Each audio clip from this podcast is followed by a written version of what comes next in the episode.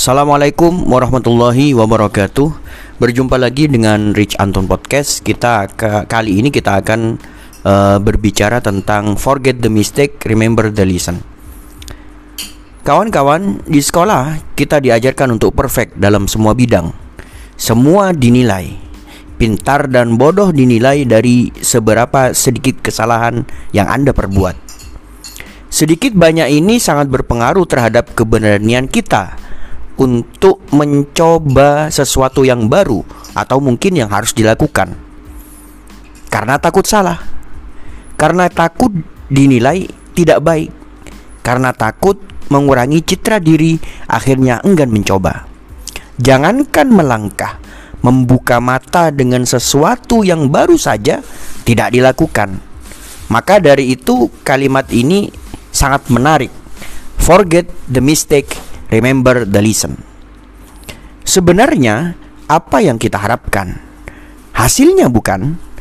Jangan bilang kalau yang penting adalah prosesnya karena berpengaruh sekali dengan pilihan tindakan Anda.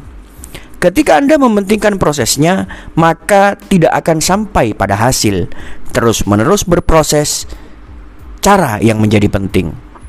Kalau Anda mementingkan hasilnya, maka proses apa pun yang dilalui tidak akan menjadi masalah bagi Anda. Anda melakukan sesuatu itu bukan karena suka, namun lebih mengarah pada pilihan bahwa Anda memang harus melakukannya. Pemikiran harus melakukannya inilah yang dapat membawa Anda menuju kalimat di atas. Forget the mistake, remember the lesson. Lupakan kesalahannya, ingatlah pembelajarannya. Dianggap dan merasa dinilai oleh orang orang lain tentunya merupakan salah satu ketakutan dari membuat kesalahan. Disematkan orang yang selalu gagal itu menakutkan. Terlalu cepat menilai juga merupakan pilihan yang tidak tepat karena membuat diri kita fokus pada kesalahan dan kegagalannya, bukan pada pembelajarannya.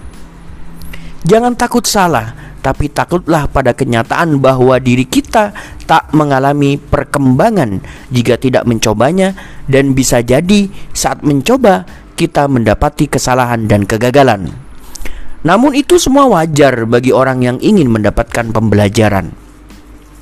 Berperang melawan diri sendiri memang momen yang paling mendebarkan. Musuhnya tak terlihat, seolah ada dua padahal hanya ada satu dan menyatu. Pembelajaran terkadang harus dilakukan berkali-kali. Mahir itu sebuah tindakan yang diulang. Melalui tindakan yang diulang itulah kita dapatkan pembelajaran tentang sesuatu yang ditekuni. Apa pun yang Anda lakukan saat ini dan menurut Anda berat, maka fokuslah pada pribadi Anda saat berhasil menaklukkan impian Anda. Apa pun yang membuat Anda berpikir ulang untuk kembali lagi dan menghindari semua kesalahan, maka ingatlah tentang pembelajaran berharga yang akan Anda dapatkan setelah menaklukkan peperangan dalam diri antara melakukan atau tidak. Selalu lebih bijaksana untuk tetap menjadi diri Anda yang terbaik. Semangat, Anda pasti bisa hanya perlu terbiasa. Anda pasti bisa karena Anda terpilih. Semoga hidup makin berkah, berlimpah bahagia. Assalamualaikum warahmatullahi wabarakatuh.